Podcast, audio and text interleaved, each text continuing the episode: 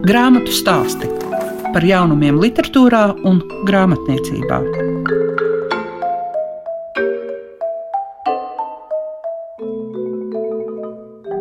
Esiet sveicināti grāmatu stāstu klausītāji. Un šīs dienas raidījumā, ko veidojas Liega Piešiņa, jūs dzirdēsiet Aldi Bukšu. Viņam ir iznācis latviešu un latviešu detektīvu romāns Brāļi, kā arī uzklausīsim, ko rakstniece Māra Sviere iesaka lasīt saviem draugiem, domu biedriem, vispār lasītājiem, respektīvi mums. Grāmatu stāsti tiem, kam grāmatu lasīšana ir vērtība. Ir iznākusi jauna grāmata, kas noteikti patiks detektīvu cienītājiem. Un te nu es pieminēšu Aldi Bukšu, kuram pirms pieciem gadiem iznāca grāmata, parāda piedzinēji, un tā bija viņa debija. Tagad man liekas, ka ir divreiz biezāka, nu vai gandrīz nav. Tāda pati, jā. Tā tad brāļi piesaistīja uzmanību kaut vai tas, ka tā ir iznākusi ne tikai latviešu, bet arī latviešu valodā. Es tad varbūt ar to arī sākšu. Kāpēc tā? Nu, izdot latviešu rakstu valodā bija mans sapnis kopš bērnības kopš pusaudžu gadiem, kad pirmo reizi sastapos ar latviešu literatūru, un tad arī vairāk no vācot informāciju, atklāju, cik patiesībā daudz ir arī tur latviešu rakstu valodā sarakstītu darbu, bet nu, sabiedrība lielākā daļa nezina, nelasa. Tāpēc gribējās dot artavu šajā jomā. Tā skaitā gribējās, lai ar šīs latviešu rakstu valodā sarakstītās grāmatas palīdzību tomēr uh, iedrošina, nu, viņa ieinteresē jauniešus un tos, kas runā latviešu, bet nelasa un neraksta. Jo Latvijā situācija ir tāda, ka latviešu vēl joprojām runā, bet diemžēl baidās rakstīt un lasīt. Jo no nevienā skolā to nemāca, un tas viss ir tādā pašplūsmā, un tāpēc bieži vien ienāk kaut kādi varbūt svešvārdi vairāk valodā. Kā teikt, mērķis bija jau no bērnības dot savu artavu tomēr valodas saglabāšanā, kopšanā un, un attīstīšanā. Jā. Vai pats tika galā gan ar latviešu, gan ar latviešu grāmatām? Jā, jā tiku galā. Vai nebija tā sajūta, ka pa jaunu rakstu un ka tad varētu kaut ko vēl mainīt? Bija, bija tā vēlme, bet nu, es mēģināju apvaldīt, jo tomēr daudz maz. Varbūt pat ir kaut kādi teikumi, kas atšķiras, kas nav vienā vai otrā versijā, bet es centos savaldīties, jo tad būtu kaut kādi elementi, kas otrā versijā nav. Bet nu, nebija tā, ka no jauna rakstu bija tā, ka vienkārši otrais pārrakstu tikai latviešu, jo es jā, pabeidzu latviešu literārajā versijā un pārrakstīju latviešu rakstu valodas versijā. Vai bija kaut kas tāds, kā jāpiemācās pat klāt, lai varētu tā labi latviešu uzrakstīt? Jā, pavisam noteikti. Tā man īstenībā bija kā tāda skola, jo es sāku rakstīt latviešu, bet tad sapratu, ka es tomēr nepārzinu ortogrāfiju latviešu rakstu valodas. Es arī pats neesmu viņam skolā mācījies, un īpaši tam nebija pievērsis varbūt uzmanību līdz tam. Tāpēc jā, daudz kas bija jāapgūst, un daudz ko es sapratu, ka tiešām arī nemāku. Tāpēc man ļoti palīdzēja arī redaktore, latviešu raksturvalodas versijas redaktore Māra Mortuzāna Murauska, kura patiesībā lielu darbu ieguldīja, lai mana valoda, kādā es rakstīju, atbilstu šīm gramatikas normām. Labi, bet mēs pievērsīsimies tai versijai, kas ir latviešu valodā, šie brāļi. Nu, gluži par spriedzes romānu varbūt to nevarētu nosaukt, bet tādu labu detektīvu gan. Kas ir tas, kāpēc tieši detektīvi tev interesē? Na, man nav tā, ka interesē tieši detektīvi. Nebija tā, ka es apsēdos un tā doma bija rakstīšu detektīvu. Gribējās izstāstīt stāstu, viņš kaut kā pamazām pārvērtās par kriminālu romānu, tādu, man liekas, uz trilleru pusi. Tomēr tur vēl ka tas bija rakstīšanas procesā. Viņš vienkārši tapa tāds Kā tev atnāca tas stāsts? Jo gluži pavisam, kā saka, uz ielas tas nemētājas. Tas gan, jā, nu, stāsts man atnāca vairākos etapos. Pirmo reizi stāsts man atnāca faktiski uzreiz pēc parādu piedzinēju izdošanas. Man bija iespēja nedēļu apceļot Islandi ar sievu kopā. Mēs apbraucām Islandi. Stāsts pie manis atnāca pati būtība, varbūt stāstā Islandē, ietekmējoties no Islandes skatiem. Man liekas, fantastiska zeme, iespaidīga skasti. Man gribējās izstāstīt stāstu par Islandi. Un tad es sāku rakstīt, bet kaut kā man tomēr grūti nācās. Viņš kaut kā man lēni vilkās tas stāsts uz priekšu. Tad uh, bija pagājuši jau kaut kādi gadi, četri. Ventspils rakstnieku māja piedāvāja man aizbraukt pie viņiem, parakstīt. Un tad es braucu un domāju, nu, ko man darīt. Man pabeigt to iesākto versiju, vai rakstīt no jauna, saglabājot to pašu būtību, kas stāsta par diviem brāļiem, kur viens ir bezvēs pazudis un otrs iziet no cietumā. Tad es nolēmu, ka es būtību saglabāšu, bet uh, rakstīšu pilnīgi pa jaunam. Tur tā arī vidē pamainījās, jo es secināju, ka manā versijā, kāpēc es nevarēju pabeigt to stāstu darbību Islandē, jo tomēr nu, es nepārzinu to zemi. Ar vienu nedēļu nepietiek, lai tu no sevis rakstītu stāstu. Un tad es tev uzdevu jautājumu, nu, kas ir tās tēmas, kas man patiešām būtiski interesē, un tās vietas, ko es patiešām, manuprāt, labi pārzinu. Un tā ir Ziemeļvidgale, Igaunija, kurā es esmu bijis centās reizes, un man fascinē Igaunija kā zeme. Un šie te temati, kas tiek apskatīti, gan drošība Latvijas, gan nacionālā partizāna tēma, kas šeit tiek aizskarta, brāļu attiecības. Tā tapu šis darbs. Man liekas, ka tieši šīs brāļa attiecības un arī šīs attiecības, vispār ģimeniskās attiecības, kas ir arī ar, teiksim, ar māmu, veco tēvu un šī ģimeniskuma izjūta, tā tur ļoti parādās. Vai var teikt, ka tas bija pats būtiskākais šajā grāmatā? Jā, jā tas varbūt arī bija tā esence stāsts. Es nezinu, cik man labi izdevās viņu atspoguļot, bet eh, tā bija tā esence, kas mani motivēja sākt vispār šo stāstu, šīs attiecības un šīs saites ģimeniskās. Visa romāna gaitā ir tā, ka visu laiku tiek uzdots tas jautājums, vai tas mans līdzās esošais cilvēks gadījumā pēc tomēr nav nodevējis. Cik tas bija apzināti par to, ka vajag visu laiku domāt, vai tas otrs ir balts vai varbūt tomēr melns? Labs jautājums. Es tev uz sitienu pat neatbildēšu, cik tas bija apzināti. Tas, laikam, nu, tomēr tā sanāca rakstīšanas procesā. Nu, ir jau tā, ka simtprocentīgi droši tu nevari būt nekad, bet vienlaikus nu, nedrīkst skatīties uz pasauli tādām pesimista un negatīvu skatienu, vērtēt visus apkārt un tam līdzīgi. Nu, neviens nekad nav simtprocentīgi balts vai simtprocentīgi melns. Un visbiežāk tiem melnumiem ir kaut kādi iemesli, kas viņus ir radījuši, bet jebkurā gadījumā tas ir stāsts par cilvēku izvēlēm kā rīkoties konkrētajā situācijā, kā izturēties vienam pret otru. Nu, tie, kuri vaino apstākļus, pie savām izvēlēm. Nu, savā ziņā viņi mēģina novelt atbildību no sevis, lai gan patiesībā galu galā izvēle ir atkarīga tikai no tevis paša, no tava lēmuma. Nevar teikt, ka kāds cits tev kaut ko piespiedz darīt, nezinu, sliktu vai tam līdzīgi. Kā pats atbildētu uz to jautājumu, kas ir uz grāmatas vāka? Cik tālu tu ietu, lai atrastu brāli, kurš tev ienīst?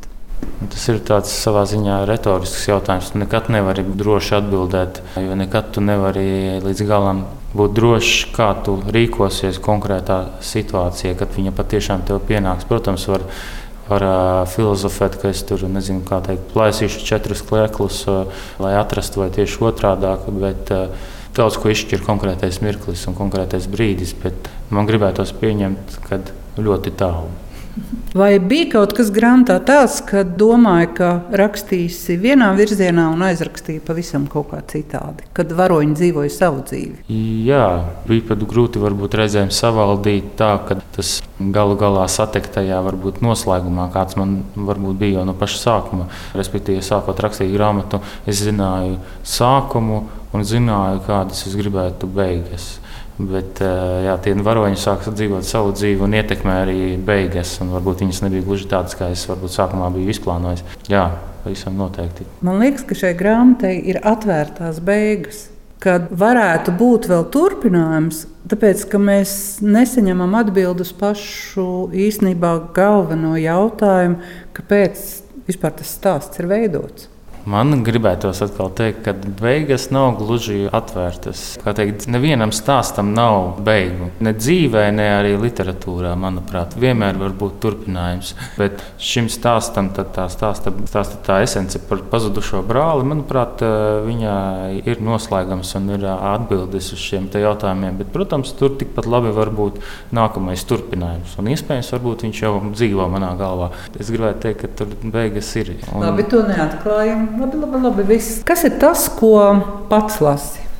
Lasu visdažādāko literatūru patiesībā, bet eh, nu, no daļu literatūras šobrīd, laikam jau tos pēdējos gados, varbūt kaut kā tiešām tie paši krimināli romāni, varbūt arī ir tas, ko es izlasu. Manā tajā lasīšanas praksē pēdējo gadu ir tā, ka um, daudz sanāk lasīt nozaru literatūru, kas nav daļa literatūra, nu, par visdažādākajām tēmām, kas mani saista. Un, protams, nav, nav iespējams viena pēc otras grāmatas nepārtraukti tādas, ko prasās kaut kā svaigi gaisa malki, darbi, kas viegli lasās, un varbūt tāda nosacīta vieglā literatūra, ko es pa laikam savu atsveidzinu ar tādiem darbiem, izlasot viņus. UNSB es lasu, jā, UNSB darbus es esmu lielāko daļu laikam izlasījis, man patīk. Bērnībā ļoti daudz vēstures romānu lasīju. Grāmatu stāsti programmā Klasika. Tikko dzirdējāt Aldi Būkšu, viņš stāstīja par detektīvu romānu Brāļi, un mums ir tā iespēja izvēlēties lasīt to vai nu latviešu vai latgaliski. Diezgan reta parādība, vēl jau vairāk ņemot vērā to, ka romāns ir diezgan apjomīgs. Bet turpinājumā gribu teikt Jāņa Ezeriņa sacīto. Lepnāk būtu attaisnot bet dziļāk ir piedot. Un šo frāzi es attiecinu uz neiespēju vai nespēju nodrošināt grāmatu iegādi mums, kā Latvijas sabiedrības locekļiem. Kāpēc vēl ar vienu mēs nevaram iegādāties grāmatas? Kāpēc mums Facebook vai citos sociālos tīklos ir jāliek klāt teksts par grāmatu atdošanu? Un vai tie cilvēki, kas lemj šo jautājumu, nevarētu iedomāties, ka iegādātas grāmatas un to lasīšana arī veicinātu atrašanos savā telpā un to, ka cilvēki nestaigātu apkārt? Katrā ziņā sāpīgi izskatās šīs situācijas ar aizlieguma lentēm, kur līdzās var iegādāties daudz vieglāk pieejamas preces, arī tādas, ar kurām var apreibināties. Katrā ziņā Jānis Ezeriņš arī uzskata, ka rakstnieks var būt patiess arī tad, kad melo. Mēs varam uzburt savu pasauli arī savādāku. Žēl par šo situāciju. Un cerams, ka grāmatas tomēr atgriezīsies pie tām precēm, kuras varēsim iegādāties arī situācijā, ja turpināsies daudz ierobežojumu. Un atcerēsimies, ka māksla ir iedota sajūtu vienā teikumā, un to tik fantastiski spēja daudzie rakstnieki, arī latviešu rakstnieki. Pēc nedēļas raidījumā jau varēsiet dzirdēt Māru Svīri, jo viņai ir iznācis jauns romāns Bailes no dziļuma. Bet šajā sarunā arī viņai pajautāju par to, ko viņa lasa un ko iesaka izlasīt, un tūlīt jūs varēsiet to dzirdēt. Atgādinu, kā Māras vīre parasti izlasīto ieraksta mazā piezīmju grāmatiņā, un tad var arī vieglāk atrast un atcerēties gan autorus, gan grāmatu nosaukumus. Grāmatu stāsti tiem, kam grāmatu lasīšana ir vērtība. Es izlasīju valsts vīrs par Anatoliju Gorbunovu, Karinas Petersones un Ilzes Būmanis grāmatu. Lai gan es patiesībā sacītu tā, ka to grāmatu nav uzrakstījis pats Anatolijas Gorbunovs, bet grāmata ir viņš. Autores ir strādājušas ļoti pamatīgi ar dokumentiem, un visa šī grāmata, atskaitot pilžu daļu, ir viens liels dokuments ar Anatoliju Gorbunova runām, ar intervijām, ar intervijām ar citiem cilvēkiem. Un tieši šī dokumentalitāte ir ļoti vērtīga. Redz, es esmu no tās paudzes, kas patiesībā dzīvoja tam laikam līdzi. Man atklājumu nav daudz, bet es ļoti augstu novērtēju to, ka tas viss ir tagad vienopus. Tas laiks, es gribu sacīt, bija atmoda. Kas tajā laikā piedzima un kuriem tagad ir 30 gadi, es tiem gan ieteiktu izlasīt. Viņi daudz ko saprastu, jo par visu jau rodās mīti, un tie mīti tika pieņemti par patiesību. Un šeit nu, ir tā patiesība. Redz, agrāk bija tā, ka īpaši no ārzemju rakstniekiem mēs zinājām ļoti labi piecus vai desmit, un tad mēs varējām saukt vārdu,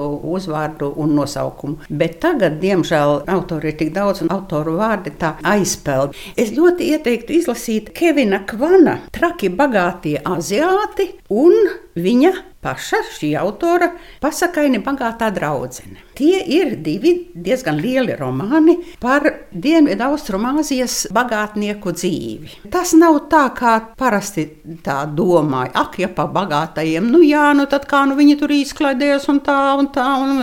Nē, jā, arī par to tur ir. Bet interesantākā ir, nu es teiktu, tāda pretruna starp šiem pasakaini bagātajiem cilvēkiem, kuri tērē, nu, piemēram, tādām nevisai krāšņām kāzām 14 miljonus. Tajā pašā laikā viņi ir tik aizspriedumaini, kā Eiropā bija viduslaiku cilvēki. Ka ļoti svarīgi ir, vai viņš ir no tā klāna, vai viņš ir pietiekami bagāts, vai viņš lieto to un to, vai viņš iepērkās Parīzē tādā un tādā veiklā. Un šo cilvēku tāda pretrunība raksturos tā ļoti piesaista. Un vēl ļoti piesaista turienes dzīves vieta, dzīves stils. Nu, tas ir kaut kas citādāk tiešām nekā te kaimiņam aiz sērtas.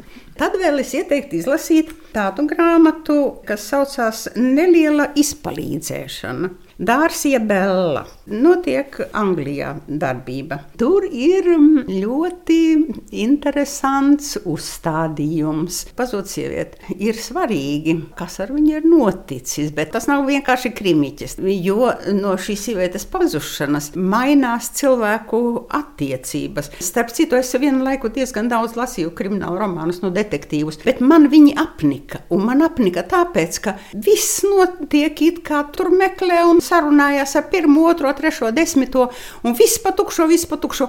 Un tad knikšķi ir kaut kas tāds, vai nu notikums, vai cilvēks, vai saruna, un viss atklājās. Un visu laiku, tā teikt, es kā lasītājs esmu turēts zem gultas. Man nekas nav pateikts, manām domām nav vielas. Es tikai varu skriet līdzi, skriet līdzi, kur ko tas detektīvs dara. Un tā man apnika šādu detektīvu lasīt.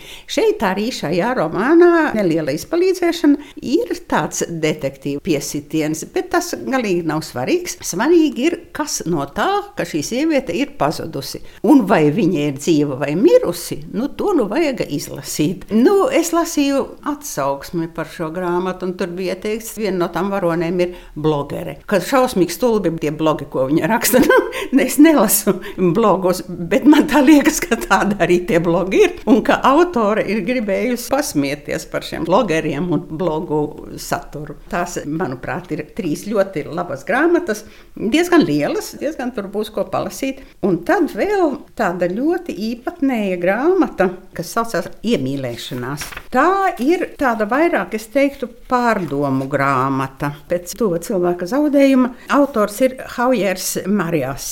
Ne tā sieviete, kur ir zaudējusi savu vīru, tā pārdomā un cieši un tā. Nē, tas varētu nonākt līdz sentimentalitātei un salkanībai un līdz nezinu kam. Bet pavisam it kā sveša sieviete, kas vēro notikumus no malas. Un tur ir ļoti interesanti spriedumi par cilvēku psiholoģiju. Tas man patika.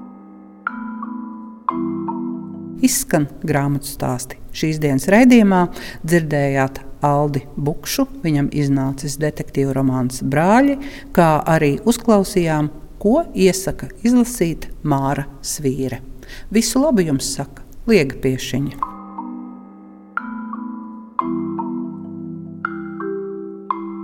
Grāmatu stāsti par jaunumiem literatūrā un grāmatniecībā ik trešdienu, 9.5. ar atkārtojumu Svētdien, 18.15.